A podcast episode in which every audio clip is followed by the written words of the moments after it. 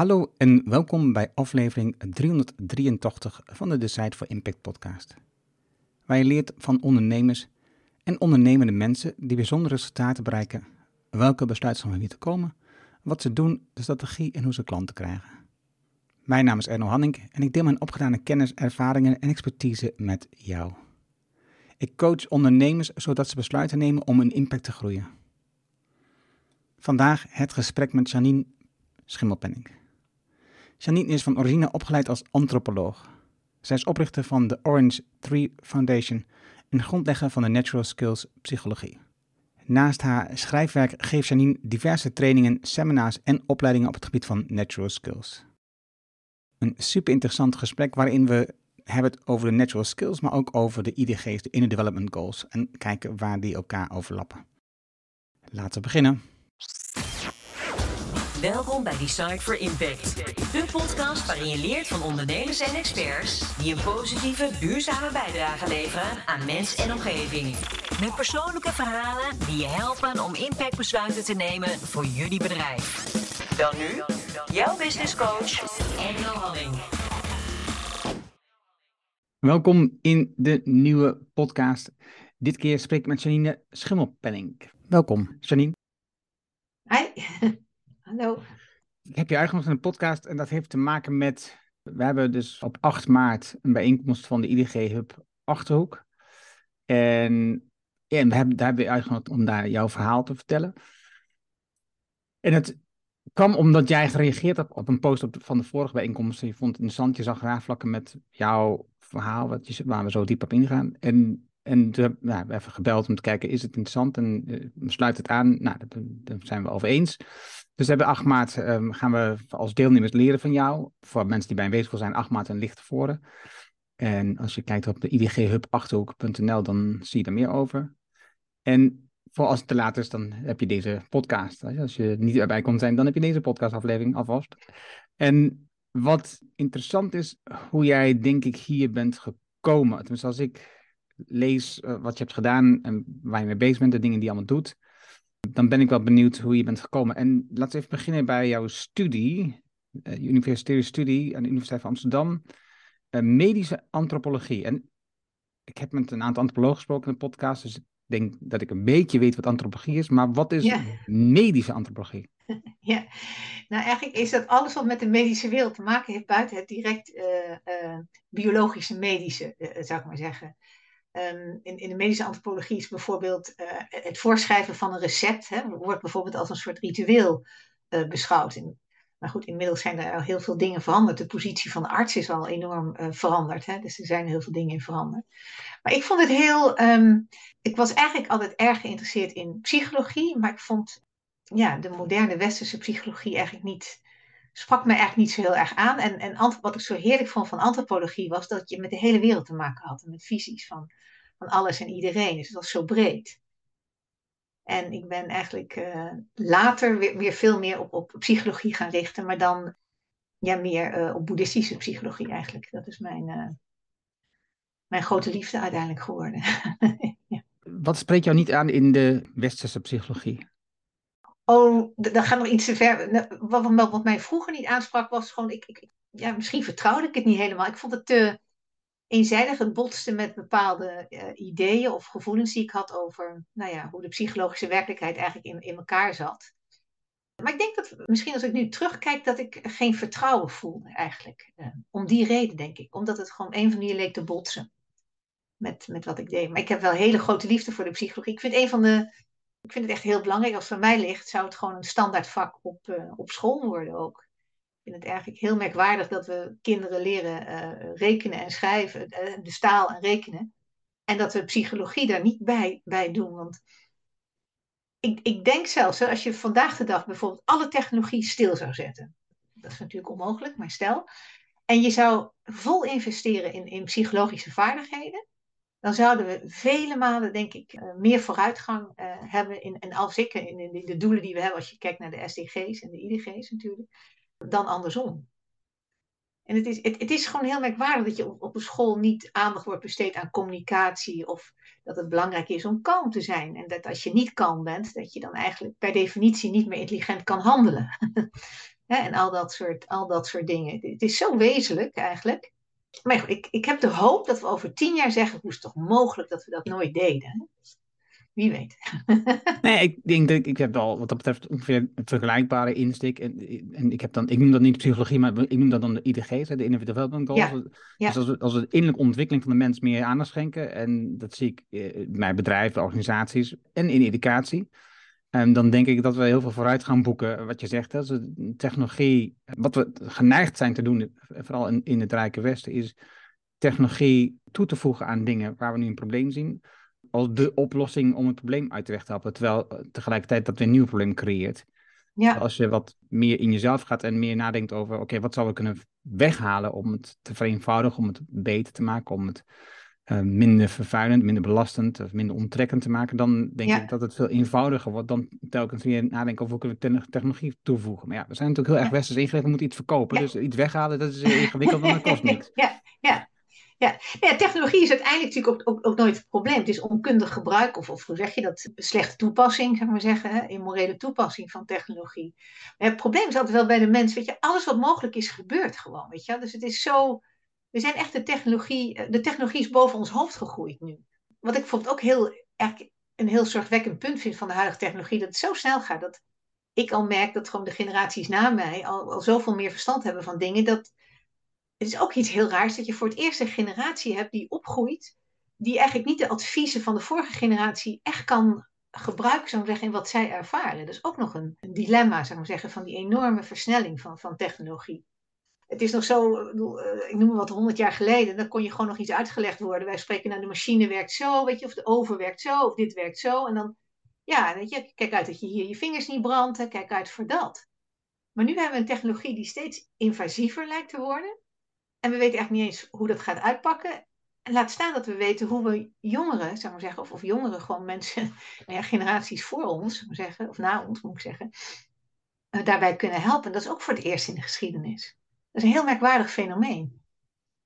Ik heb hier mijn twijfels over, dit standpunt. Er dus veel boeken die we lezen in de boekenpodcast bijvoorbeeld, die gaan over. Uh, die beginnen met dat het een hele erg veranderende wereld is. Um, uh, dus het, het, ontzettend veel op dit moment verandert ik denk dat eigenlijk ook generaties voor ons, wat je beschrijft, al 100 jaar geleden bijvoorbeeld, die mensen, dat die een vergelijkbare ervaring hadden over hoe snel de ontwikkeling ging. Alleen zij hadden hmm. gewoon een veel trager uitgangspunt. Hè? Dus hun, hun wereld was veel kleiner, veel trager. En de stoommachine bracht heel veel verandering, wat zij ook niet begrepen. En ook heel ingewikkeld was om te uitleggen aan de volgende generaties van, wat zou dat kunnen betekenen? Want ze hadden mhm. helemaal geen idee. En, en wij ervaren nu eigenlijk hetzelfde. Dus ik denk dat het al um, nou ja, 200 jaar ongeveer sinds echt dat ze al die ontwikkelingen elkaar opvolgen. Ik denk dat het telkens hetzelfde gevoel is voor de generaties die nu een bepaalde leeftijd bereiken, dat zij terugkijken van ja, hè, dat gaat nu echt heel erg hard. Maar dat komt ook door onze eigen beleving over de fase waar wij in zitten en waar de jeugd in zit. En, en dus denk ik, wat, je, wat, wat jij al zei, ik denk dus dat ja, psychologie of de innerlijke mens ontdekken, dat dat een heel belangrijk iets is, omdat het heel veel inzicht geeft over jezelf, uh, als er geen technologie zou zijn, of als je de technologie niet gebruikt. Dat, uh, misschien kun je het dan ja, zo zeggen. Ja. Maar vind je dan antropologie ook een vak wat eigenlijk zou gegeven moeten worden? Ja, ja idealiter maar antropologie zou je, kun je in heel veel, komt dan in heel veel vakken ook wel weer een beetje voor. Hè? Bedoel, het, zit, het zit natuurlijk geregen in heel veel uh, dingen. Want heel veel culturele aspecten zijn dus taal en letterkunde en geschiedenis en zo. Er zijn natuurlijk enorm veel antropologische aspecten. Het grote voordeel van, of laat ik het anders zeggen, het belang van psychologie is dat psychologie zo, zo uh, fundamenteel is. En daar was ik, dat is een van de redenen waarom ik zo blij was met die EDG's toen ik daar voor het eerst uh, kennis van nam, was omdat ik bij, gewoon bij SDG's dacht van ja oké, dat is nog heel erg buiten onze, zou ik zeggen, buiten onszelf. Hè? Maar om dingen buiten jezelf uh, te realiseren moet je binnen iets doen. We roepen al, al eeuwen hè, van ja, weet je, geweld is slecht. Maar er is nog nooit in de geschiedenis een moment geweest dat we geweldloos zijn geworden. En dat betekent dat we dus kennelijk niet de stappen nemen die, die nodig zijn voor die transformatie. En psychologie, zou ik maar zeggen, is, is dat hele fundamentele veld. Het veld waar, zo zeggen, waar alles aan vooraf gaat. Dat is waar het begint. Hè? De wereld is, is een reflectie van onze binnenwereld. Het is niet dat er eerst een buitenwereld was en vervolgens heeft zich die binnenwereld uh, gevormd. natuurlijk is er continu interactie, maar het mooie, het bijzondere vind ik van, uh, van de psychologie is dat het een, een zeer fundamenteel karakter heeft. Fundamenteel in de zin dat het echt aan een bron ligt, zeg maar zeggen, van, ja, van hoe we denken en, en, en voelen en, en, en doen. En ik vond het dus het mooie met die SDG's, toen die IDG's kwamen, dacht ik, ja, weet je, dat, dat is uh, erkenning daarvan. Want, ja, want de vraag is altijd, hoe dan? Hè? Ik bedoel, je ja, we moeten nou beter gaan samenwerken. Ja, maar welke eisen moet ik dan voldoen? Welke kwaliteiten moet ik dan ontwikkelen in mezelf? Nou ja, waar ik me mee bezig hou dan hè, met natural skills, zou ik zeggen, dat is dan nog een stapje fundamenteler, zou ik maar zeggen. Want dan is het weer met de IDG's van, oké, hoe, hoe ontwikkelen die zich dan? Wat gaat daar dan onder schuil? En dan zou ik zeggen, ja, daar gaan natural skills onder schuil. Als je die weer kent, dan, dan kun je die andere weer uh, beter toepassen. Voor mij was het een beetje hetzelfde gevoel. Hè? Dus de SDG is al een tijd lang dat ik denk dat is super belangrijk. Dan moeten veel dingen veranderen uh, wat betreft ons verbruik, bronnen, schoon, uh, armoede, voeding. Er zitten, zo, er zitten zo ontzettend veel waardigheden in. Hè? Er zijn nog steeds 750 miljoen mensen die in armoede leven op dit moment bijvoorbeeld. Die onder die 2 dollar per dag leven. Die dagelijks moeten nadenken, hoe krijg ik nu mijn volgende eten? Bijvoorbeeld. Ja. Dat, dat, kunnen wij ons totaal niet meer voorstellen. Maar dat is nog 750 miljoen op de wereld. Dat is, dat is best veel. Terwijl we het gewoon kunnen oplossen. Hè? Met alles wat we hebben, alle middelen hebben we gewoon in huis moeten oplossen. En we doen het niet. Ja. En voor duidelijkheid, en hetzelfde denk ik geldt over geweld. Hè. Dus geweld neemt wel af. En, en hetzelfde geldt, die armoede is wel echt, echt afgenomen. Dus 750 is nog mhm. heel veel, maar het is echt heel veel afgenomen. Dus we werken er wel aan, maar het kan nog steeds, het kan nog steeds beter. Het kan nog steeds opgelost worden. En die doelen zijn dan wel ingewikkeld. Hè? Dus hoe, hoe los je nu armoede op? Ja, ja. Dus, dus, je kan zeggen, ja, dan moet de overheid gewoon oplossen, want er zitten schulden achter bij dat soort landen bijvoorbeeld. Daar kun je heel veel aan doen. Um, je kan zelf aan um, uh, goede doelen gaan geven, nadenken wat zijn de beste doelen te geven. Maar dan nog, als ik dat doel aanhang, hoe doe ik dat dan? He, weet je, hoe, hoe organiseer ik dat allemaal voor mezelf? Mhm. Terwijl als je kijkt naar de innerlijke doel, dat je zegt, ik ga bij mezelf beginnen om mezelf te ontwikkelen, zodat ik beter kan nadenken en discussiëren en nou, over de lange termijn, over wat zijn die problemen, dan wordt het, dan wordt het eigenlijk vanzelf dat je het gaat oppakken. Dat je gaat nadenken, oh ja, want als ik dus dit als doel heb voor de lange termijn, of deze visie op de lange termijn heb, dan ga ik hier aan werken en dan ga ik deze stappen zetten. Dat wordt gewoon eigenlijk, wat jij al zegt, meer natuurlijk. Ja, ja. Ik denk ook sowieso, het, het, het feit dat we armoede tolereren, zegt ook iets natuurlijk uh, over, over ons. Het probleem, de werkelijkheid is altijd e-, enorm gecompliceerd. Hè? Uh, of nee, laat ik het anders zeggen. De werkelijkheid is complex, maar wij denken gecompliceerd. Hm. Ik bedoel, complex is geen, complexiteit is geen probleem, maar gecompliceerd denken is wel een, wel een, uh, wel een probleem. De werkelijkheid is, is heel erg complex. En, armoede is, is, daar maar een, is daar een aspect van. Maar ik denk het echt erom, ja, echt erom geven, zou ik maar zeggen. Dat je het echt uh, uh, belangrijk vindt. om gewoon dat te zien. En je hebt gelijk dat er minder, minder geweld is. Hè? Maar ik vraag alleen af bij de gratie waarvan. Ik, ik heb toch het angstige vermoeden dat het niet is omdat wij, zou we zeggen, uh, geëvolueerd zijn door minder gewelddadig te zijn, maar dat we gewoon relatief goede leefomstandigheden hebben. Ik kijk maar wat er gebeurt. Hè, op het moment dat ergens um, er een natuurramp plaatsvindt, of wat dan ook, hè, hoe, hoe, snel er ook um, geweld kan, kan uitbreken. Hè. En uh, ja, wij leven in vrede, maar ja, als dit land aangevallen wordt, bedoel, ja, dan gaan wij ook vechten. Hè. Dus het, het is allemaal heel voorwaardelijk nog zou maar zeggen, de, de kwaliteiten die we hebben. En ik denk dat, dat de mogelijkheid bestaat, als we er echt in investeren, dat, je die kwaliteiten minder voorwaardelijk kan maken. Dus ze gewoon te ontdekken, zou ik zeggen, in, je, in jezelf. En het, en het begint inderdaad bij te erkennen van, hé, hey, weet je, wat, hoe kan het dat we in een wereld leven waar, waar armoede is? Het, het, het, het simpele antwoord is, denk ik, het eerlijke antwoord is, uh, dat we er niet voldoende om geven en dat het tegelijkertijd we er ook heel gecompliceerd over denken. En dat we heel vaak ook niet weten van ja, hoe dan? Hoe, hoe lossen we dat dan op? Je zegt hè, dat we dat niet voldoende omgeven. Wat is omgeven? To care. Zeg om echt, dat je zegt, doet er voor mij toe. Dat er andere mensen eh, honger lijden. Dat je dat echt erg vindt, zou ik maar zeggen. Ik denk dat we het een soort, als een soort noodzakelijk kwaad hebben ervaren. Als iets van, daar kunnen we niks tegen doen of zo. Ja, want waarom vinden we het niet meer erg, denk je? Ik denk dat we Murph uh, geslagen zijn, maar ik denk ook dat we heel weinig vertrouwen hebben in, in dat we wel degelijk over de mogelijkheden uh, beschikken, zou ik zeggen, over de kwaliteiten beschikken om er wel wat aan, aan te doen. Hè? Dat dat sowieso een. Uh... ik denk dat er echt enorm gebrek is aan, aan, aan vertrouwen in ons eigen po potentieel om, om dingen te doen. En daarom pakken we dingen soms niet aan. En ik denk ook gebrek aan, aan bewustzijn, weet je wel. Het doet dan gewoon pijn je weet niet wat je eraan kan doen. Nou ja, dan ga je maar ergens anders mee bezighouden. Een soort van fact of life. En natuurlijk is het ook zo dat ellende een, een fact of life is.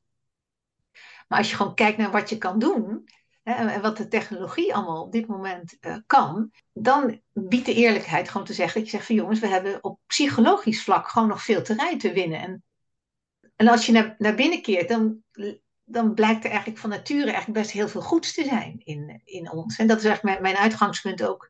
Dat is eigenlijk de basis ook van het paradigma van natural skills eh, psychologie. Dat ieder mens um, gewoon gelukkig wil zijn, geen pijn wil lijden ieder mens zich van nature uh, verbonden uh, wil voelen en voelt. En dat we uh, ieder mens ook gewoon van nature echt ruimte nodig heeft. Hè? Dat we echt het gevoel van autonomie, vrijheid en al dat dingen zijn hele natuurlijke dingen.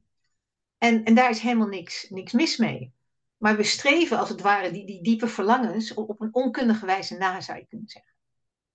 Hè, ik bedoel, het is een beetje alsof je denkt, oké, okay, ik wil graag veilig zijn en daarom duw ik jou weg, zou ik maar zeggen. Weet je? En, dat is de vraag of je iemand anders moet wegduwen voor jouw eigen veiligheid. Ja, of is het, of is het zelfzuchtig? Uh, je goed voelen, je gelukkig voelen, je vrij voelen, je verbonden voelen, is, is alles behalve zelfzucht. Ik, ik, denk dat dat meer een soort natuurlijk feit is, zou ik zeggen. Je kan, je kan het ook niet uitzetten. Je kan niet tegen jezelf zeggen, weet je, voor de rest van mijn leven vind ik het niet meer belangrijk om me goed te voelen. Ik vind het voor de rest van mijn leven niet meer belangrijk om vrij te zijn. Dat kan niet. Dat zijn een soort van hele, hele diepe natuurlijke drijfveren die wij, die wij hebben. En dat je die wil vervullen is niet egocentrisch. Nee, en dat snap ik. Maar het feit dat als je ze voor jezelf vervuld hebt, want het eh, eh, ja. uitgangspunt dat het in het Rijke West, dat, in de samenleving wij zijn, is dat, is dat allemaal heel erg goed mogelijk. Hè? We hebben de meeste mensen, het grootste van de mensen, zijn in staat om in deze wereld gewoon zich goed te voelen, welbevinden te hebben. we hebben voldoende, we hebben een dak boven ons op, we hebben voldoende eten, alle middelen zijn beschikbaar. Um, en, maar, maar, dan houdt het op voor de meeste mensen. Dus, dus als ik dus als ik voldoende heb, als ik me goed voel, als ik mhm. een dak op, dan is het klaar. Dan, is het, dan ben ik vervuld. Maar is dat, is dat dan, en dat bedoelde ik met zelfzuchtig zijn. Ja. Want daarmee kun je ook zeggen, oké, dus als ik, dan gaat het alleen voor mij waarom maak je dan niet druk over dat een ander zich ook goed voelt? Of dat een ander zich ook veilig voelt?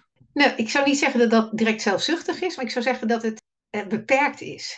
Het is niet, zeggen, je bent niet. De dingen die je noemt zijn ook uh, voornamelijk dan van materialistische aard, hè? een dak boven je hoofd en dat soort zaken.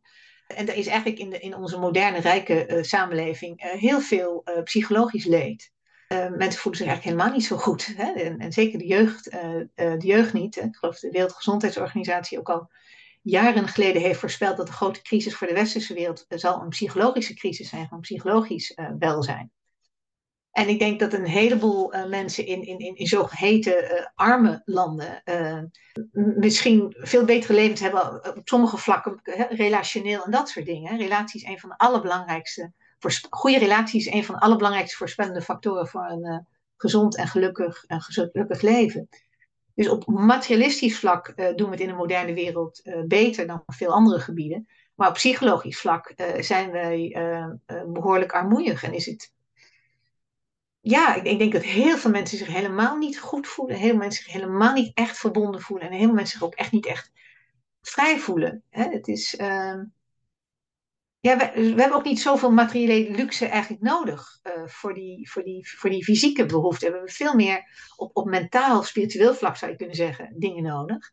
En die worden eigenlijk uh, um, onvoldoende vervuld. En als ze vervuld worden, ik, er is ook heel veel... Um, ik vind heel veel onkunde als het gaat op het gebied van sociaal-emotioneel leren. En bijvoorbeeld, weet je wat raakt aan zelfzuchtigheid? Dan zou ik bijvoorbeeld zeggen, is bijvoorbeeld nu een, een beetje moderne kreet is dat mensen zeggen, oh je moet je omringen door veel positieve mensen bijvoorbeeld. Hè? Veel, hè? Dat, moet je doen. Dat wordt als een soort uh, psychologische wijsheid uh, beschouwd. Maar als je daar nou echt goed naar kijkt, dan denk je van ja, hoezo? En het is wel grappig, ik heb ooit een keertje een, een Tibetaanse non horen zeggen en zij reageerde fantastisch. Zij zei, wat een onzin, zegt ze. Omringen door alleen maar positieve mensen. Voor je het weet ga je denken dat je zelf positief bent, zei ze. Ja, als iedereen naar je lacht, dat, dat is makkelijk. Weet je, dat zijn dan uh, uh, ze. Maar het is pas als mensen niet naar je lachen. En dan, en dan kijk hoe je reageert. Dan, dat zegt iets over jou, zou ik maar zeggen. Dan weet je wat jouw psychologische staat van zijn is. Dus als wij zo'n advies geven, weet je, als we zoiets de wereld ingooien, dat, dat soort kreten worden gedaan, omring je door positieve mensen. Ja, dus dat, dat, dat zit gewoon, er zit natuurlijk wel iets van wijsheid in. Want natuurlijk is het zo dat als je weinig energie hebt en je bent verdrietig, dan natuurlijk moet je dan niet je neus in een wespennest uh, steken. En, en omring je met, met, met heerlijke vrienden en alles. Weet je, tuurlijk. Weet je, ieder mens heeft oplading nodig. Maar ja, het gaat niet zo diep, zou ik maar zeggen. En het is ook altijd de vraag, ik, denk dan ook altijd van, ja, het is maar de vraag of mensen mij, mij dan als een positief iemand ziet. Weet je, hoeveel mensen zouden jou wel niet weren, weet je? En, en dat vind ik dan dingen waarvan ik dan denk van, ja, oké, okay, er, zit, er zit dus wel een wijsheid in, maar, maar niet echt, er zit niet, iets, niet een soort doortastende diepte, zou ik maar zeggen, in. Dat ontbreekt, vind ik, in, in, in veel, um, veel vormen van sociaal-emotioneel leren. En, en dat is eigenlijk de reden waarom ik natural skills psychologie uh, op, op, deze manier heb geformuleerd. Zou je kunnen zeggen dat als je omringt met positieve mensen, dat dat vooral externe factoren zijn die dan zoekt als oplossing? Terwijl als je, ja. wat je net zegt, wat die boeddhistische monk zei, maar dat, ik, ik zie het zelf in het stoïcijnse, dat is een ja. waar ik me heel erg in kan vinden zie ik het terug. Het gaat vooral over hoe je op dingen reageert. Het gaat niet over alle dingen die er zijn, maar het gaat over hoe je zelf op dingen reageert. Dus dat, dat is veel meer innerlijk. Hè? Dus het is veel meer over dat je het bij jezelf neerlegt. Hoe, hoe wil ik me vandaag voelen daar actief mee bezig bent. Ja, dat zou, ik, dat zou ik zeker zeggen. Het is gewoon jouw antwoord, zou ik zeggen, op wat er, op wat er gebeurt. Hè? En dat is eigenlijk ook, dat zou ik ook als het, als het veld van de psychologie eigenlijk beschouwen. Hè? Dus de, hè, er gebeuren dingen in je leven, laten we dat de condities noemen. Maar jij bent zelf, zou ik zeggen, de oorzaak. De oorzaak in, in, in de zin van dat jouw antwoord op die condities, die bepalen hoe je die condities uh, ervaart. En dat is ook iets wat ook blijkt. Hè? Als je kijkt naar, er zijn voldoende voorbeelden natuurlijk die we allemaal kennen, dat mensen onder dezelfde condities verschillende dingen ervaren. Weet je? Het heeft te maken met jouw reactie, zou ik zeggen, op wat er gebeurt. Ja, de Stoa is daar ook een prachtig voorbeeld natuurlijk van, van radicaal verantwoordelijkheid nemen voor jezelf. Hè? Wat overigens ook wel vaak toch uh, eigenlijk verkeerd wordt uitgelegd als hard zijn en dat soort dingen. Terwijl het eigenlijk een, een, een hele liefdevolle en, en, en ruimtegevende uh, houding is. Ja, en, en, ik zeg dan stoïcijnse, dus, dus dan zeggen mensen, oh ja, dus, dus je geeft nergens, dus het noemt niet hard, maar het is meer zoiets van, je bent meer, je bent niet betrokken of zo, je geeft nergens ja, ja, ja, ja, ja, het, ja. Is, het is niet hoe ik het ervaar, weet je wel, het is, nee. het is helemaal niet te ervaren. Groot misverstand, ja, ja, ja. Maar dat is natuurlijk ook stoïcijns, dat is ook al ingewikkeld, dat in het Nederlands betekent natuurlijk gewoon dat je uh, ja, uh, onverschillig bent. Dat is, uh, ja. Maar dat is niet, dat is niet waar dit om draait. nee, dat is, niet, dat is niet de betekenis ervan. Nee, nee. Het is ogenschijnlijk onverschillig als je het niet begrijpt. Zo zou je het kunnen zeggen. Ja. Nu ben jij een moment een slag gegaan met boeddhisten. Uh, je hebt een, een monk, hoe heet het, een, een monnik ontmoet. Ik zeg altijd monk. Wat was voor jou uh, zo anders aan het stuk en hoe ben je daarmee in aanraking gekomen dan? Ja, ik ben echt, ik ben echt in de leer, zou maar zeggen, bij, bij, bij, bij een leraar. Ik vind het altijd handig als je iets wil leren om een leraar te hebben. Dat vond ik ook op school. Ik, ik het, is heel grappig op het gebied van psychologie of, of, of zelfs ook spiritualiteit. En dan vinden mensen dat wel eens gek. Ja, ik wil alles zelf ontdekken. En dan vraag ik ook wel eens van, dacht je dat ook toen je natuurkunde kreeg op school? Dacht je ook van, weet je wat? Nee hoor, ik ga lekker zelf die uh, zwaartekracht ontdekken en de relativiteitstheorie en al die dingen, weet je. Natuurlijk niet, want dat scheelt je enorm veel tijd, weet je. Dus psychologie is net zo goed zo'n gebied, weet je, waar je heel veel op kan leren en waar, waar je enorm gebaat bent bij een, hele, bij een kundige, zou ik zeggen, wijze, wijze leraar. Ja, dat is, ik, ik heb het eigenlijk, um, ik heb altijd een voorliefde gehad voor boeddhisme, maar, maar specifiek ook voor Tibetaans boeddhisme. En in dat opzicht eigenlijk op een bepaalde manier, um, ja, is het gewoon op mijn, op mijn pad gekomen. En ja, dat heeft me echt van het ene inzicht naar het andere gebracht. En ik, ik hoop tot, nou, of ik hoop, tot de dag dat ik sterf, zou ik zeggen, zal ik het bestuderen, dat weet ik zeker. Ja, dat, dat, dat, dat, was ook een vraag die ik had. Dus het, het, het, leren daarvan, het inzicht verkrijgen in jezelf, dat houdt nooit op. Nee. Nee. Dit is de reden dat wij binnen die IDG-hub, in ieder geval in de Achterhoek en Amsterdam, telkens weer een, een educatief stuk hebben en een belevingsstuk. Hè? Dus, dus, mm -hmm. dus educatief, iemand legt iets uit, hè? dus dat je kennis neemt van. En daarnaast een oefening doet, of twee oefeningen doet, zodat je de beleving krijgt op basis van die theorie. Zodat je weet, oh ja, dit, dit is ja. hoe het voor mij werkt. Dit is, dit is hoe ik ermee om zou kunnen gaan. Ja. Ik denk dat dat enorm, wat je al zegt, als je natuurkunde, is, echt, doe je exact hetzelfde. Weet je? je? Je, krijgt les op natuurkunde en dan is er een experiment wat je te zien ja. krijgt, wat je gaat doen om het te ervaren, zodat je het beter eigen kunt maken. En ik, denk, ik denk ook dat dit zo werkt. Dus voor mij is het heel belangrijk dat het educatieve stuk erin zit. Dus zelf overigens, eh, veel meesters die haal ik uit boeken. Dus ik lees veel. Dat zijn voor mij vaak mijn meesters om, ja. om over dingen na te denken. Ja, ja, ja, maar dat doe ik ook hoor. Zeker. Er zijn er, zo, er zijn zulke prachtige uh, dingen al geschreven. Er is zoveel uitgelegd al. Ja.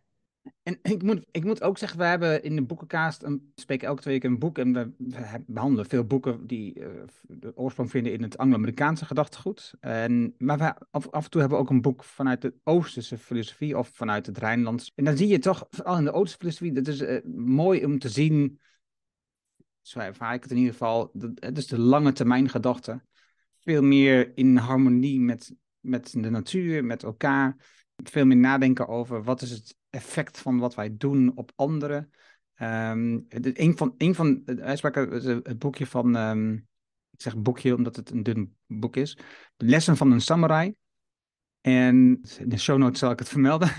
een van de quotes die erin stond was, het is, het is goed om gewoon je hele leven bezig te zijn met het ontdekken waarom je er bent. Weet je, als, je, als je een paar uur voor overlijden ontdekt waarom je er bent, is dat op tijd genoeg. En tot die tijd gewoon blijven oefenen. Ja, het aloude know thyself. Hè? ik dacht echt gewoon, ja, dat is, dat is gewoon zo, zo'n mooie andere wijsheid dan in het westerse, waarbij je eigenlijk eh, heel snel moet weten, oh ja, dit is waarom ik het toe doe en dit is wat ik ook en nu even onderzoek en vanaf dat moment ga ik ervoor. En mhm. daar is het gewoon, nee, je werkt er eigenlijk gewoon je hele leven aan, dat je ontdekt, waarom, waarom doe ik er eigenlijk toe? Wat is eigenlijk mijn bijdrage? En dat is, ik vind dat veel mooier, want het is, je, je hebt ook altijd fases in je leven waarbij je het helder hebt en dan zakt het weer weg. Tenminste, de ervaring die ik zelf heb. Zeker. en, en, dan heb je het weer helder en dan ga je weer en dan zakt het weer wat weg. En zo, en, en dat verschuift ook. De ene moment ben je met dit onderwerp bezig, dan met dat onderwerp bezig. En, dat, en, dat, en die ruimte is er veel meer, in mijn beleving, in de Oosterse omgeving. Die wijsheid is veel dieper dan dat in de westerse ehm, dingen die we leren, wat mij betreft. Nou, ik denk, er zijn gewoon langere en oudere uh, uh, tradities. Hè? Waar gewoon, uh, eigenlijk, bedoel, als je kijkt naar de boeddhistische traditie, die is sowieso dan al 2500 jaar oud. Maar er gaat natuurlijk nog een enorme traditie nog daaraan vooraf, zou ik zeggen, waarop het, boeddhisme eigenlijk in feite heeft gereageerd. En er is, en daardoor alleen al, door, door gewoon echt, door introspectie, weet je, laten we daar even die, die noemer geven, het gewoon naar binnen keren en gewoon waarnemen uh, uh, wat daar gebeurt. Daar is zoveel in geïnvesteerd, zou maar zeggen, in tijd en energie en kennis. Um, en ja, die, die is er nog steeds, die is er nog steeds voorhanden. Ik denk wel dat de, um, de Oosterse samenleving, zou ik zeggen, in rap tempo um, ja, het westerse moderne uh, manier van leven aan, aan het overnemen is. Dus, en dat is ook wel grappig. Je ziet ook een enorme verspreiding van Oosterse tradities over de hele wereld nu. Hè. Het, is, is echt duidelijk, ja, het vloeit nu alle kanten op, zou ik zeggen. Het wordt opgepakt daar waar het uh, opgepakt wordt. Maar het zijn zulke indrukwekkende tradities ook. Hè. In de boeddhistische psychologie hè, worden bijvoorbeeld 84.000 emoties beschreven. Dat is, dat is toch echt Dat is dat, op zijn minst waar je u tegen zegt. Hè? Dat je denkt van oké, okay, wauw. En ik, de, westerse psychologie is echt voortgekomen uit de filosofie. Hè? En het is heel erg naar buiten, naar buiten gericht op heel veel, um, heel veel dingen. En komen daar ook door andere inzichten. Ik, bedoel, ik vind trouwens over dat de huidige uh, moderne psychologie onvoorstelbaar veel goede methoden en technieken en, en kent. Hè? En ook steeds meer um, Oosterse inzichten aan het verweven, verweven is. Dat is een goed, uh, goed fenomeen. Ja, er ontbrak naar mijn idee dus echt een, een, een fundament, zou ik zeggen, daarvoor. En dat, uh, nou ja, dat is waar ik mij uh, dagelijks mee bezig hou. Ja, en je hebt hier ook een boek opgeschreven, Natural Skills, een natuurlijke kijk op de psychologie. de Wachter heeft hier uh, gelezen, ook een stuk over geschreven. Is wat jou betreft, is hij een psycholoog die, die anders is, die het op een andere manier doet? Ja, hij is psychiater, even dat even voor de volledigheid. Nou, ik vond, um, toen ik mijn boek aan het, aan het schrijven was, toen dacht ik, oké, wie, wiens uh, zegen zou ik zeggen, zou ik willen hebben voor dit, voor dit werk? En, en, en een zegen dan in de zin van, nou, iemand waarvan ik zeg van, oké, weet je, die is voor mij ook een, een boegbeeld van wijsheid en verstand. En, wijsheid betekent voor mij ook gevoel en alles, dat hart op een goede plek. Wat er ook zou toe doen, zou ik zeggen. Wat ook naar de buitenwereld ook zou zeggen van, wacht even, weet je wel, dat is, dat is niet niemand, uh, hè? Dirk de Wachter. En ik vond, dus hij was dat. En uh, ik vind dat hij altijd een hele open uh, kijk heeft op dingen, een hele natuurlijke kijk heeft op dingen. En, en altijd vanuit een, soort diep gevoel, zeg maar zeggen, handelt. En ja, dus heel liefdevol, zeg maar zeggen, ook op, op die manier is. Dus ja, wat, dus, ja, daarom heb ik het gevraagd. En ik, ik moest geduld hebben, zei hij toen. En dat heb ik toen ook wel gehad. Het heeft echt een paar maanden geduurd voordat hij eraan toe was gekomen. Maar uh, ja, het was wel heel, heel leuk. Hij heeft ook heel veel humor.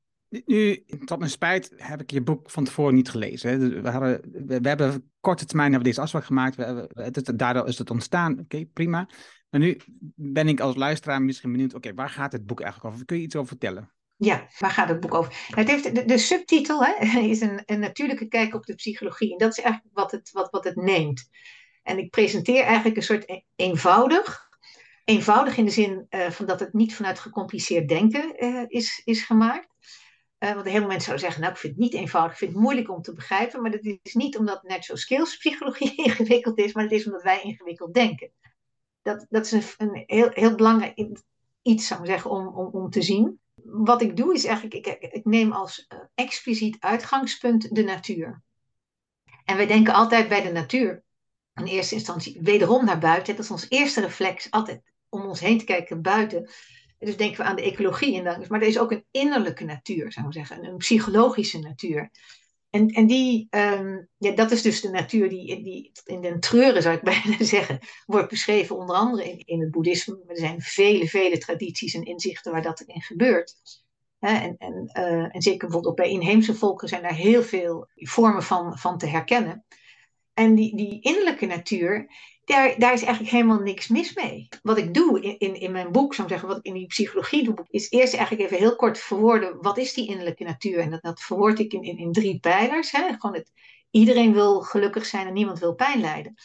En dat is heel essentieel. Weet je, het lijkt zo'n open deur, hè? het is een open deur, maar het, is, probleem bij veel open deuren is, is dat we er niet hard naar binnen rennen. Hè? Wat ik zeg, liefde, liefde is het belangrijkste op deze planeet, zegt iedereen. Ja, eh, weet je wel, een open deur. Maar het is niet de werkelijkheid. Dus open deuren worden niet, uh, daar gaan we vaak niet naar binnen. Dus die eerste pijler van iedereen wil gelukkig zijn, niemand wil pijn lijden, is heel erg wezenlijk. Want het betekent dus dat goed voelen voor ons heel erg belangrijk is. En dat betekent eigenlijk al meteen dat je natuur ook goed is. Want stel je voor dat het er niet toe zou doen dat je je goed zou voelen. Dat, de, hele, de kunsten zoals we kennen, de muziek, toneel, dans, al die dingen. Allemaal daarmee te maken, met, met je goed voelen. En niet alleen met je goed voelen, ook met verbinding en al die, al die zaken. Dus dat ligt heel, heel erg diep.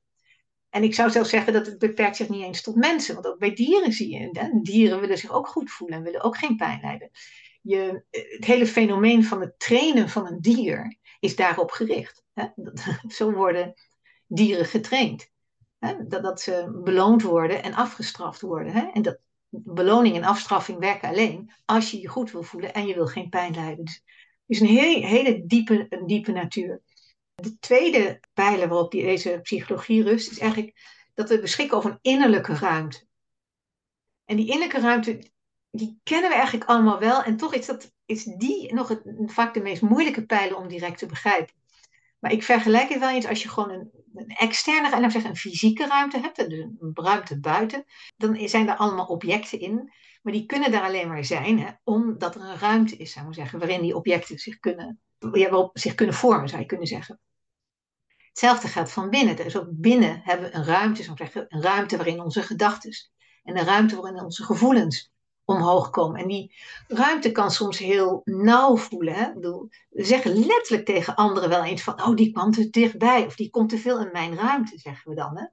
En daarmee verwijzen we eigenlijk naar dat gevoel van die innerlijke ruimte. Dat is ongelooflijk belangrijk. En maatschappelijk uitzicht dat bijvoorbeeld een intense behoefte aan autonomie.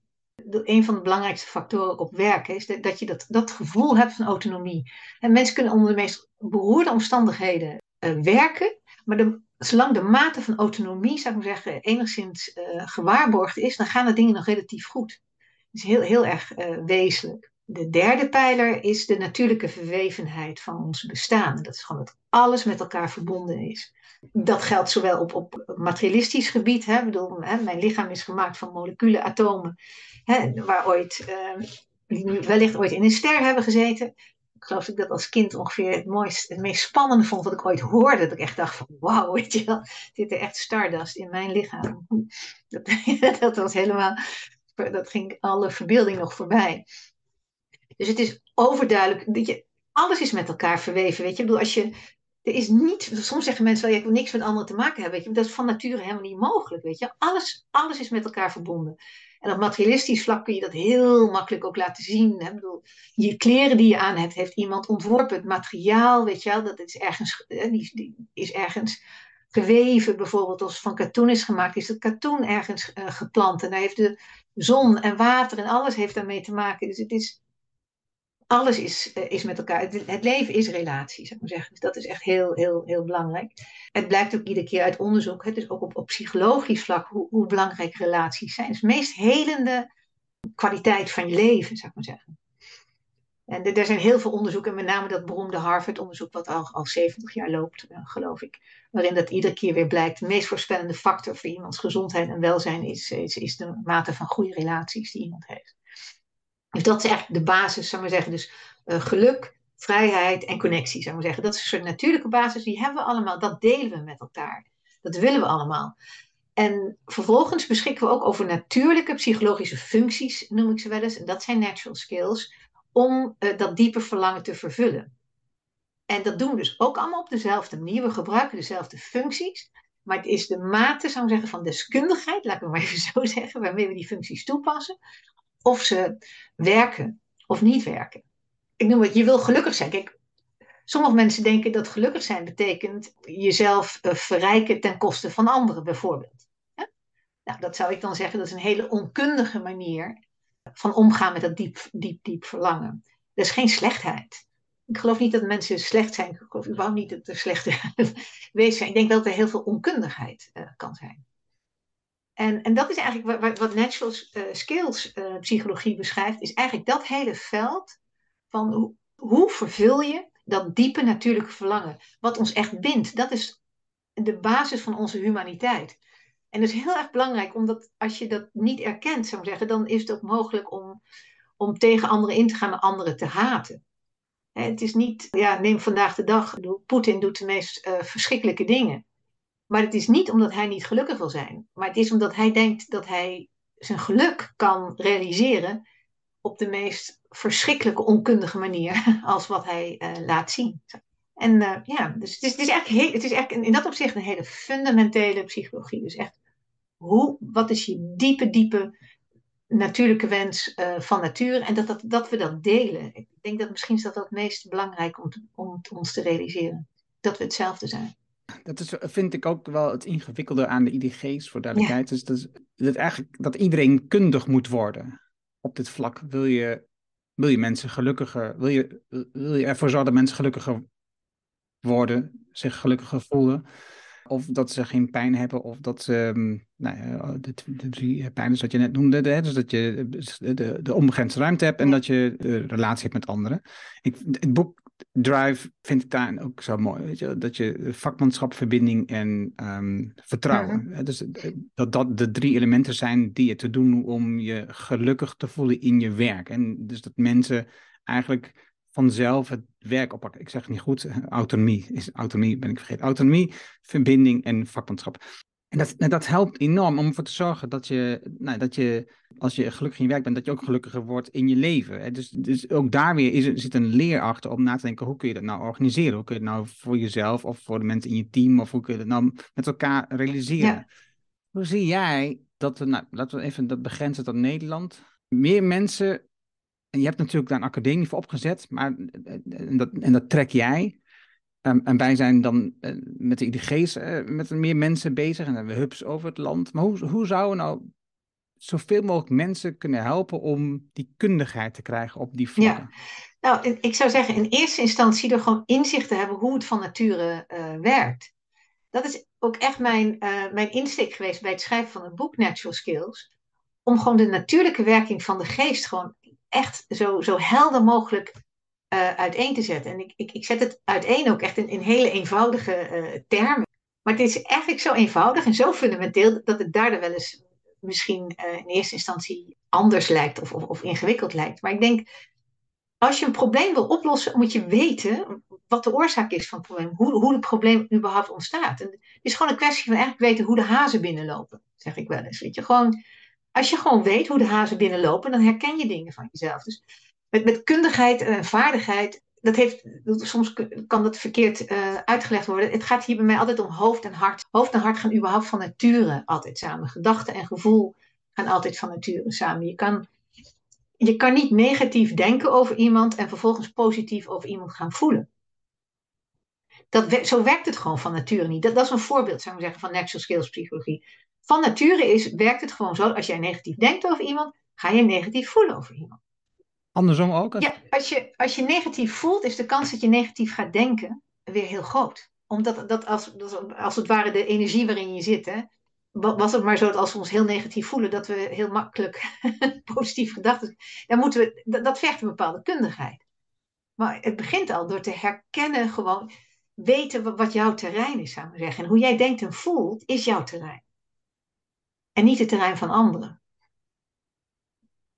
Houd me dan iets hierin bezig. Hè? Dus um, antropologie, eh, dat zei je al, het, het, mooie daaraan was dat je dus veel andere culturen kon ontdekken. Eh, niet exact de woorden die je gebruikte, mm. maar dat is uh, hoe ik het ja. vertaald heb. Hè? Dus, en dat is ook hoe ik zie, met de mensen die ik gesproken Daniel Brown bijvoorbeeld en Jitske Kramer, dan zie je dus dat zij heel veel culturen ontdekken. Ja. Of dat nou in een land is of in bedrijven, dat maakt niet zoveel uit, maar ze zijn heel veel met verschillende culturen bezig. Dus dat is, aan de ene kant heb je dus jezelf kennen en, en, en tegelijkertijd misschien wel heb je ook het ontdekken dat er meer is dan alleen maar jouw manier. Is dat, is dat mogelijk? Ja, nee, nee zeker. Ik denk dat hoe meer je dingen, hoe meer je krachten bundelt, zou ik zeggen, hoe meer je dingen samen doet, hoe beter het is.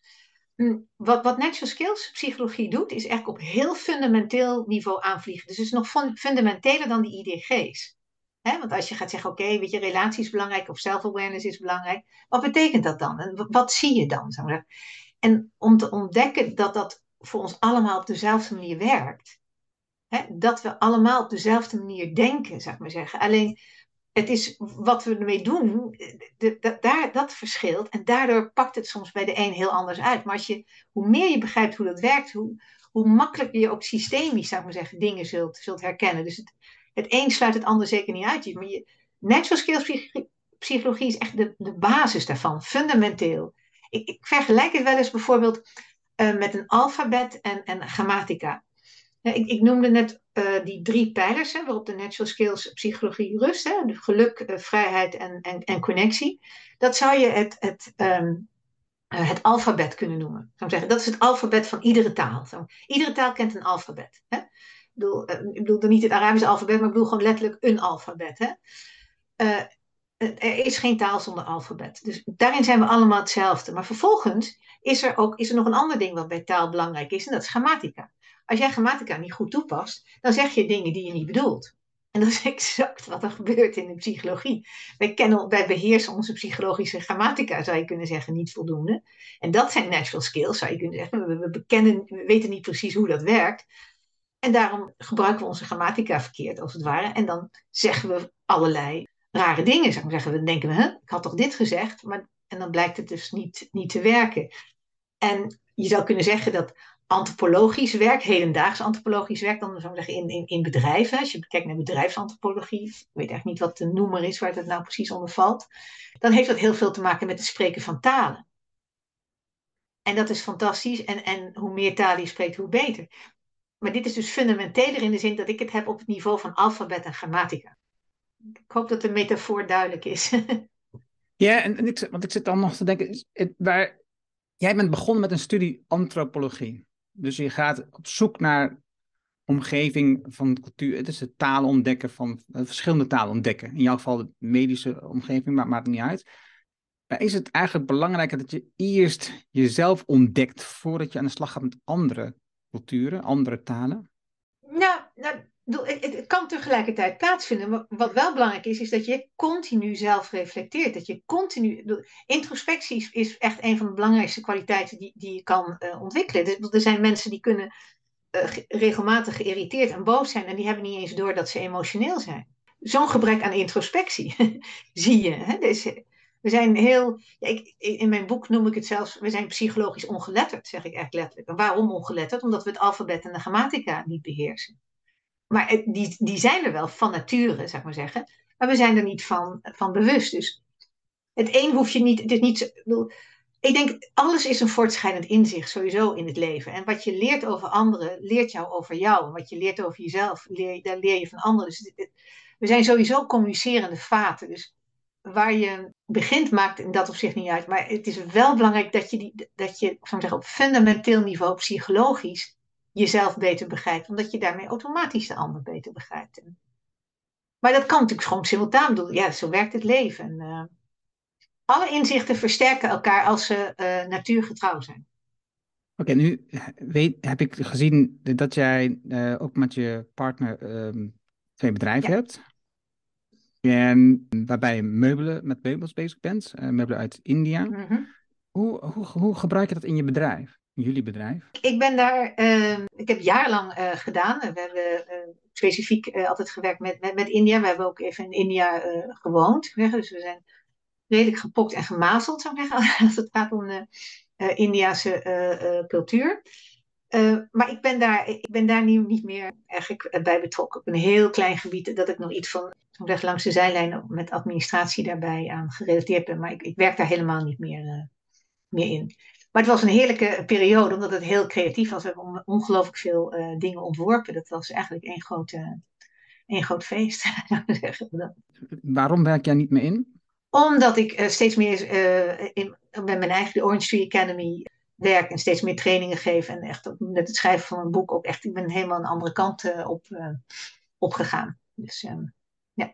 Stel, ik ben ondernemer. Ik heb daar een bepaalde visie over hoe, je, hoe we dan met de IDG's in de slag zouden kunnen gaan. Maar stel, je bent ondernemer of je bent een manager van een team.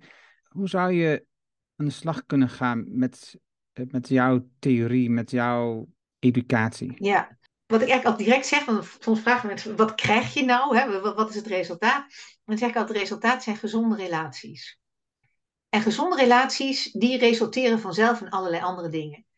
Dat is waarom ik ook in het alle begin ook even nog tegen jou zei dat die IDG's eigenlijk, uh, die laatste, eigenlijk natuurlijke resultaten zijn als je de rest goed op orde hebt. Zeg maar zeggen. Samenwerking is een natuurlijk gevolg uh, van het hebben van goede relaties. Als je goede, goede relaties hebt, dan zeg je niet tegen iemand, ik laat je stikken. En dan weet je ook precies hoe je moet samenwerken. Dus dat is eigenlijk wat ik altijd zeg. Van als je dat wil, als je daarin vertrouwt, als je vertrouwt in je mensen dat, ze, dat goede relaties voldoen is. En dan werk ik eigenlijk alleen maar op dat fundamentele niveau van de psychologie door iedereen eigenlijk de betrokkenen uit te leggen van oké, hoe werkt het dan? Weet je, wat, wat moet je weten? Wat is je innerlijke natuur? En wat, wat zijn je natuurlijke uh, skills die je gewoon hebt om die innerlijke natuur gewoon te realiseren? En het is, het is eigenlijk op een bepaalde manier heel eenvoudig, maar het is heel, op een bepaalde manier ook heel anders. En dan, dus ik zeg ook niet van, oh, dat zijn exacte kwaliteiten, maar ik garandeer betere relaties. En ik heb zelf altijd vertrouwen, betere relaties zorgen voor de rest. Je hebt in, de, in die training heb je wel een paar, uh, een vijftal van dat soort skills genoemd. Hè? Waarneming, vindt van de natuur van binnen naar buiten plaats. Samenhang tussen gedachte en gevoel. Uh, nou, zo heb je nog uh, drie. Mm-hmm. Vermogen om jezelf te veranderen bijvoorbeeld. En die vierde, het vermogen te hebben van een bewuste aandacht. Voor mij is dat ook een hele mooie. Dus dat je, zoals ik hem invul, is ja, dus bewuste aandacht voor jezelf, voor je eigen ontwikkeling. Bewuste aandacht voor je omgeving, voor relaties die je hebt, wat je net al zei. Maar ook gewoon bewuste aandacht in het moment. Dus illustratie. Ja, als ik ergens uh, hardloop, dan ben ik gewoon alleen maar bezig met hardlopen. Als ik ga wandelen, ja. ben ik alleen maar aan het wandelen. En er zijn heel ja. veel mensen die tegelijkertijd naar een podcast luisteren of die aan het bellen zijn. Sterker nog, ik zie mensen die met de hond lopen, die doen niets anders met hun telefoon bezig zijn. Of er zijn mensen die met hun kind en hond aan het wandelen zijn, die op hun telefoon bezig zijn. Ja. En, en, en, ze hebben het dan over dat die telefoon is natuurlijk een bepaalde gewoonte dat je daar naar, naar grijpt, maar ze hebben het ook over dat je toch dat soort dingen gaat combineren, dat het efficiënter is. Ja. En ik denk meer, nee, het, ik geef dan meer zeg maar de aandacht aan dat ene ding in het moment, omdat je voor mijn gevoel op dat moment veel meer kunt opnemen van de omgeving, de natuur, van wat er gebeurt. Maar ook ja. dus veel meer bewustwording en, en ruimte krijgt bij jezelf om weer daarna weer nieuwe dingen te ontwikkelen of inspiratie te krijgen of creatief te worden. Dus ook die, eh, zeg maar, die bewuste aandacht zit in mijn zoveel mogelijk, in zoveel mogelijk dingen dat ik het probeer. Dus, dus ik doe liever minder dingen. En ik probeer nooit druk te zijn. Mm-hmm. Want dat betekent dan ja. dat ik gewoon aandacht kan geven aan dingen die ik wel heb gekozen om te doen. Niet altijd eenvoudig, ja. maar het is, het, is, dit is waar ik wel voor naar streef continu. Dus wat mij betreft is dat een, een hele mooie om over na te denken. Hoe je mee aan de slag te gaan zelfs van jezelf. Hoe je dus meer aandacht krijgt voor, nou ja, voor jezelf, voor de beleving, voor de omgeving, voor je relaties. Mhm. En, en ja, dat kost dus aandacht en het kost energie en tijd. Dat is Ja. iets wat je echt gewoon moet doen. Hè? Dus je kan niet zeggen dat het overkomt me een bepaald moment als ik, als ik denk dat dat gebeurt. maar waar. Ja. Ja, ja. Ja, weet je, dat is ook zo'n merkwaardig fenomeen eigenlijk in de, in de psychologie. Dat we op een, we zijn bereid en met heel veel dingen te oefenen en te trainen. Hè? Ik bedoel, we weten allemaal dat als we een marathon gaan lopen, dan moet je echt. Maar bij psychologie denken we, ach weet je, ik heb het één keer gehoord, ik ga er zo over nadenken. En we vergeten gewoon dat we daar net zo goed iedere keer, iedere keer weer opnieuw, weet je. Daarom noem ik het ook altijd, eh, psychologie is gewoon voortschrijdend inzicht. En dus iedere keer weer opnieuw, weet je, opnieuw kijken. En dan is het net aandacht in het nu is, is het meest, meest essentiële. In ieder geval bewustzijn van wat je doet. En dan kan het wel, dan kan je nog in de natuur lopen, zou ik zeggen, en bellen. Want het kan zijn dat de natuur voor jou net die rustgeving geeft. Hè? Of, of bellen met muziek kan ook, weet je, dat, dat, dat het je net, zodat het makkelijker wordt om je aandacht te geven. Hè? Dat, dat kan dus ook op die, eh, die manier. Maar zolang je maar aandachtig bent, op het moment dat je en belt en de hond uitlaat en met je kind, dan is het natuurlijk per definitie sprake van versnippering van aandacht. Ja, dat is gewoon. dat kan niet Dat werkt niet. Nee. Nee. Het is ook eigenlijk wat je net al zei, omschreef, zeg maar, dat je, dat je bewust met een slag moet. Dat is eigenlijk hoe ik ben gekomen op IDG Habits. Hè? Dus de, habits, gewoontes, het, ons grootste deel van ons leven bestaat uit gewoontes. hè. Het is gedrag wat we onbewust doen. Dat ons brein zoekt daar nou eenmaal na, naar Ja. dingen die we doen wat zo min mogelijk energie kost. Hè? Dus 90% van onze tijd, misschien zelfs wel meer, eh, doen we de meeste dingen gewoon niet doordacht. Hè? Niet bewust doordacht. En, Ja. ehm, en dus dat is hoe ik heb gezien. En dat is hoe ons leven is ingericht en hoe het ontstaat. En dus als we aan de slag willen gaan met IDG, denk ik ook dat we dat moeten omzetten in gewoontes. Hè? Dus als je wilt zeggen, oké, ik wil ehm, bewuste aandacht krijgen, dan moet je dus in oefenen, zodat het een gewoonte wordt. Dat, dat, dat, Ja. dat, en dus daarom noemde ik het ook IDG Habits, omdat ik denk dat dat dus een van de stappen is naar de ontwikkeling van de mens op dat gebied. Hè? Dus dat je eh, kleine stapjes neemt om het, ja, een natuurlijk iets van je te maken. Het is heel belangrijk, dat is de derde natural skill, hè, is, het, het con- conditionerende karakter van de geest en de macht der gewoonte. Conditionering wil zeggen natuurlijk dat het redelijk mechanisch is. Repetitief, hè, patroonmatig en al die dingen. En zo werkt onze geest. Het is heel belangrijk om dat te zien. Eh, in mijn training geef ik wel eens het, het, hele eenvoudige voorbeeld van tandenpoetsen. Weet je? Dat, dat we allemaal gewoon, ehm, en dat hoop ik dan ook altijd dat iedereen ja zegt, want het is dan zo, allemaal iedere, iedere dag je, je, je tanden poetst. Maar dat is een gewoonte die we hebben gebaseerd op een bepaald inzicht. Want we weten zelfs als je bedoel, een week lang niet je tanden poetst, zul je niet eh, binnen een week pijn krijgen. Zeg maar, maar we, we zijn heel diep, diep doordrongen hè, van de kennis van ja, maar op lange termijn wel. Ja, dat- datzelfde geldt voor een heleboel andere psychologische inzichten. Daarom is het zo belangrijk om echt te begrijpen hoe dingen werken, zodat je ook het vertrouwen hebt om daarop daadwerkelijk een gewoonte te ontwikkelen. En, en dus het iedere keer weer opnieuw. Hè? Want bedoel, gewoonte ontstaat doordat je iets, iets repeteert. En kijk, als je volledig altijd aandachtig bent, dan zal er nul conditionering zijn. En dan hoef je ook geen gewoonte te ontwikkelen. Want dan, ja, dan ben je zo in het hier en nu. Hè? Maar dat is niet de, de default state of mind van, uh, van de mens. Dus het is. Nee. nee, niet echt, hè? nee. Wel jammer Ja, soms, ja. maar zou het een stuk makkelijker maken. Ja. Wat is voor jou, eh, ik had het net over IDG gewo- eh, eh, habits, gewoontes. Wat is voor jou een, iets waarvan jij zegt, nou dat is handig om te doen, om de psyche en wat je zegt, hè, dus die karakter, die conditionele karakter van de psyche en de macht en gewoonte te ontwikkelen. Wat, wat, wat zou je dan aanbevelen als, om iets mee te starten? Als, als gewoonte. Ja, wat eh, in, in de gewoonte, zeg maar, om, om die, die natural skills Ja. te ontwikkelen. Met welke zou je dan starten? Eh, welke van de natural skills ik zou starten? Of, of welke gewoonte? Eh, ja, ja. ja. Ja, de gewoonte om de natural skills ja, te ontwikkelen, zou ik zeggen. ja. Ik denk misschien wel het een belangrijk is, is een rustmoment. Letterlijk een, ru- een rustmoment te nemen. Het is even gewoon een soort van touching base, zou ik maar zeggen. Wij van spreken. In, ochtend is altijd een heel mooi moment om te doen, omdat je ochtend heeft ook altijd nog een beetje zo de energie van dat je de intentie voor de hele dag kan uitspreken. Hè? Ik vind altijd de ochtend nog een heel, heel mooi moment. Om door gewoon te beginnen, bijvoorbeeld je gewoon iedere ochtend je voorneemt om sowieso even één minuut ehm, eh, stil te zijn. Bijvoorbeeld even, om die manier. eh, eh, te doen. Kijk, de allereerste natural skill die ik uh, ook bespreek in mijn boek is dat waarneming vindt van nature van binnen naar buiten plaats.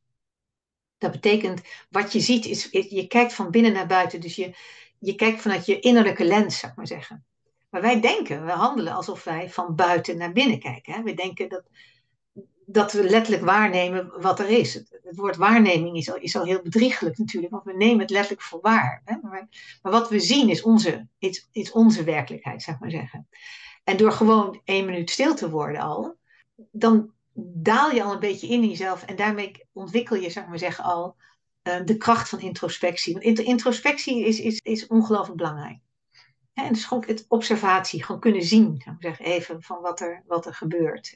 Ik werk zelf altijd op, op, altijd op twee vlakken, op kennis en kunde. Of, ik zeg het ook wel eens op, op inzicht en ervaring. Weet je, want je moet, als je alleen dingen weet, zou ik maar zeggen, zonder ze te ervaren, dan zijn ze heel, dan heb je, dan is heel labiel, zou ik maar zeggen. Hè? Want ja, je hebt het gevoel er niet bij en dan komt een ander die overtreft je en dan, ja, dan werkt het niet. En als je iets ervaart wat je niet begrijpt, zou ik zeggen, wat je niet op een of andere manier kan terugredeneren, is, is ook heel gevaarlijk. Dus je moet altijd zorgen dat die twee gelijk opgaan. In, in boeddhisme van zeggen, worden die twee vertaald in, in, in wijsheid en compassie. en wijsheid dan, laat me zeggen, staat dan even voor inzicht. en dan compassie voor ervaring of voor gevoel. Gevoel is heel belangrijk, dat is je energie. Dat is iets wat wij, waar wij heel weinig in, in de moderne wereld eigenlijk in investeren. In, in energie, in energiebehoud. Daarom zie je natuurlijk ook burn-outs en dat soort dingen. Dat is gewoon eh, het gevolg van slechte energiemanagement, zou, je kunnen, zou je kunnen zeggen. En, en dat is direct gerelateerd aan gebrek aan wijsheid. Als je denkt dat je, ik, noem, ik geef altijd het voorbeeld, andere mensen kun je niet veranderen. Hè? Mensen veranderen zichzelf. Probeer je wel iemand anders te veranderen, nou, dat trek aan een dood paard. Dus je verliest energie. Nou, dat is het, gevoel van energieverlies, maar het is ook dus die wijsheid hebben, of niet hebben in dit geval, van dat je een ander niet kan, uh, kan veranderen. Dus je hebt die die combinatie nodig van inzichten. Dus daarom, ik werk altijd op die twee dingen. Je moet heel goed, heel goed begrijpen, zou ik zeggen, waarop je je gevoelens weer baseert. Dat geeft uh, uh, stabiliteit, dat is dus belangrijk. En vertrouwen. En daar hebben we het een beetje weinig van in deze wereld. Dus. Eh. En de, vertrouwen, even kijken of we er nog op terug kunnen komen. Maar om een aanvulling te geven op jouw gewoonte. Dus je had het over de gewoonte dat je dus een minuut stil bent. Of, nou ja, of even stil bent, een, een moment van stilte. Ja. En dus een moment van aandacht, een moment van bewustwording. Um, mijn suggestie is dan dat je dat, als je het wilt ontwikkelen, is dat je dat koppelt bijvoorbeeld aan dat tandenpoetsen. Je noemde net hè, dat tandenpoetsen, het is een mm -hmm. gewoonte dat er zo diep in het systeem zit. Dat, uh, nou, dat eigenlijk bijna iedereen het wel doet. Ja. Ik, ik, nog even eigenlijk, pas wel mensen die het niet doen. en dus, dus, maar niet, eh, als, je dat, als dat voor jou al een gewoonte is, um, of bijvoorbeeld, uh, als een andere gewoonte wat veel mensen hebben, is in de ochtend drinken ze een kop koffie of een ja. kop Weet je wel? Dat, dat is een, ook zoiets. Hè? Dus ergens ja. in, de ochtend heb je, uh, ik ga tanden poetsen. En, en dan zou je eraan kunnen koppelen. Op dat moment daarna ga ik even, even zitten. En dan neem ik even een minuut stilte. Of, of een moment van stilte. Ja. Of ik, ik, pak mijn kop koffie. Ik zet die even neer. En dan neem ik een moment van stilte. Dat is, want dat helpt als je gewoon ontwikkelt. Om het te koppelen aan iets wat al bestaat. Dan heb je een vast moment waarop je dat doet. En als je dus die een aan het andere wordt het veel eenvoudiger om die nieuwe gewoonte te ontwikkelen. Dus dat is een goede tip om dat uh, mee te nemen. Je hebt het over introspectie ik heb een verhaal gelezen van uh, Aukje Nauta en zij heeft het over intervisie. Het is dat je uh, met andere mensen situaties doorneemt. Hoe zie jij intervisie in relatie tot introspectie? Nou, ik denk nou met elkaar verbonden. Iemand die veel ervaring heeft met introspectie, die zal automatisch beter zijn in intervisie. Het, is, het een kan niet zonder, uh, zonder het ander introspectie gaat vooraf aan intervisie, zou, zou ik zeggen. Weet je, omdat eigenlijk omdat dat fundamenteel is aan alles. Gewoon hè, het contact zijn met, je, met jezelf. Dat uh, is een soort van belangrijke voorwaarde voor, voor alles. Maar iemand die ja, geen ervaring heeft met introspectie, die zal naar mijn idee minder waardevol zijn met intervisie dan iemand die dat wel heeft. Omdat je op een dieper niveau. Kijk, we zijn altijd wel communicerende vaten, maar met introspectie ga je op een dieper, uh, dieper niveau. Je wordt stiller van jezelf. Waarom? Omdat we altijd, hè, zoals wat ik al eerder zei met die eerste natural skill, waarneming vind van binnen naar buiten plaats. We, zien en horen altijd ons eigen verhaal. Dus ook bij intervisie zien en horen we ons eigen verhaal. Of denken we dat we dat niet doen, maar dat is wel zo. En dat wordt zichtbaar met introspectie. En daardoor eh, wordt niet alleen, zou ik zeggen, je eigen spinselwerk minder, maar je zakt ook naar een dieper, uh, dieper niveau. Ik denk dat introspectie een van de belangrijkste reflecties die we zouden moeten, moeten leren. Het gewoon, uh, en je, je, ja, het is verre van een reflex op dit moment. Een vraag, hoe doe je dat? Hoe doe je aan introspectie? Nou, voor mij, in eerste instantie, introspectie betekent eerst gewoon stil worden. Want introspectie wil eigenlijk gewoon letterlijk dat je kan zien, zou ik maar zeggen, wat er, wat er binnen uh, gebeurt. Hè? Dat is eigenlijk dat je wil gewoon, dus gewoon even puur observeren. En vanuit een boeddhistisch perspectief beelden ze dat heel mooi uit. Ze zeggen wel eens naakt, naakt kijken, zeg maar zeggen. Weet je, dat totaal vrij van alles. Hè? Dus een, de naaktheid van dingen. En het probleem is, het eerste wat je ziet, is dat je helemaal niet vrij kijkt. Het allereerste inzicht is dat je, dat hoe, hoe vol je bent, zou ik zeggen, met, met gedachten en gevoelens en overtuigingen en, en ideeën en meningen. Dus het, eerst dat, dat waarnemen. En het is heel belangrijk, denk ik, als je daarmee begint, is dat je ook dat je niet laat afschrikken, zou ik zeggen, door de uh, veelheid van gedachten en gevoelens. En daar is wederom weer een hele mooie metafoor uh, die ik heb geleerd vanuit het boeddhisme, is als je je geest zou voorstellen bijvoorbeeld als een huis. Hè? Een huis met heel erg veel ramen. En in dat huis, de, iedere keer als je langs, aan de buitenkant langs dat huis loopt, bij ieder raam zie je een aapje. Weet je, dan zie je een aapje heel druk bezig. En dan loop je naar het volgende raam weer een aapje. En het volgende raam weer een aapje. En op een gegeven moment denk je bij jezelf, oh mijn hemel, weet je, dat, dat huis zit echt helemaal vol met apen. Maar het is maar één aapje. Maar die is heel, heel erg snel. Dus het is net zoals, weet je, we, denken, oh, ik zit vol met gedachten en gevoelens, maar het is maar één gedachte als het ware, maar één gevoel. Maar het switcht continu, zou ik zeggen. Dus de geest werkt zo snel dat het continu switcht. Dus je, wat je ervaart is, is iedere keer één ding, zou ik zeggen, het heel snel achter elkaar gaat. En, en, dat is, alleen al dat te weten geeft heel veel rust. Hè? Want het is toch fijner om met één soldaat te maken hebben dan met een heel leger. Hè? dat, is, dat is toch niet oké, het is maar één. En nou, nu kan ik... Uh, en dan is het, um, het allerbelangrijkste natuurlijk, is het bevrienden met dat aapje. Dus niet zeggen, wat vind ik jou irritant dat je iedere keer weer ergens voorspringt. Maar gewoon, en bevrienden wil ook wel gewoon zeggen dat je het loslaat, maar zeggen. Dat je er geen eisen aan, aan, aan stelt. Dus ja, dus eerst uh, gewoon letterlijk stil worden. Stil worden en waarnemen en je niet laten afschrikken door wat je waarneemt. Want sommige mensen schrikken zo gigantisch, dat ze dan zeggen, nou daar ga ik nooit meer, nooit meer naartoe. ja. Oké, uh, we gaan afronden. Ik ben benieuwd. We, gaan het in de sessie uh, bij de IDG Hub uh, Achterhoek hebben over verbondenheid, uh, network skills ja. en relatie tot verbondenheid. Dus dat is denk ik een hele mooie. Jij gaat daar een, een, tweetal oefeningen bij, bij maken, of die heb je al en die ga je met ons ja. doen. Ik ben zeer benieuwd wat het, wat het gaat doen met de deelnemers, wat het gaat opleveren voor hun. En, en ik hoop, ook. hopelijk die goede relaties, eh, waarvan ik denk dat de mensen die er zijn op zichzelf al wel echt uh, goede relaties hebben met anderen, zoals ik dat ervaren heb tot nu toe. En dus als je aanwezig wil zijn, 8 maart ligt tevoren en uh, we beginnen om drie uur. En um, op de IDG Achterhoek.nl vind je meer informatie en je kunt je gerust aanmelden. Het is voor iedereen gewoon vrij toegankelijk. Voor ondernemers, voor misschien HR-managers of voor iemand die uit de overheid komt of bij een grote organisatie zit of die bij in de educatie werkt. Want we hebben het net ook over gehad, we denken dat er op school moet gegeven worden. Dus daarom vind ik het ook belangrijk dat mensen van educatie erbij zijn. Dus ja, uh, wees welkom. Um, dan maak je nader kennis met Janine. En het lijkt me superleuk dat je erbij bent. En, nou, tot zover dankjewel, Janine, dat je uh, je uitleg hebt gegeven. Voor ook diegenen die alleen maar de podcast luisteren. En voor degenen die komen, die gaan dan ook nog de oefening met je meemaken.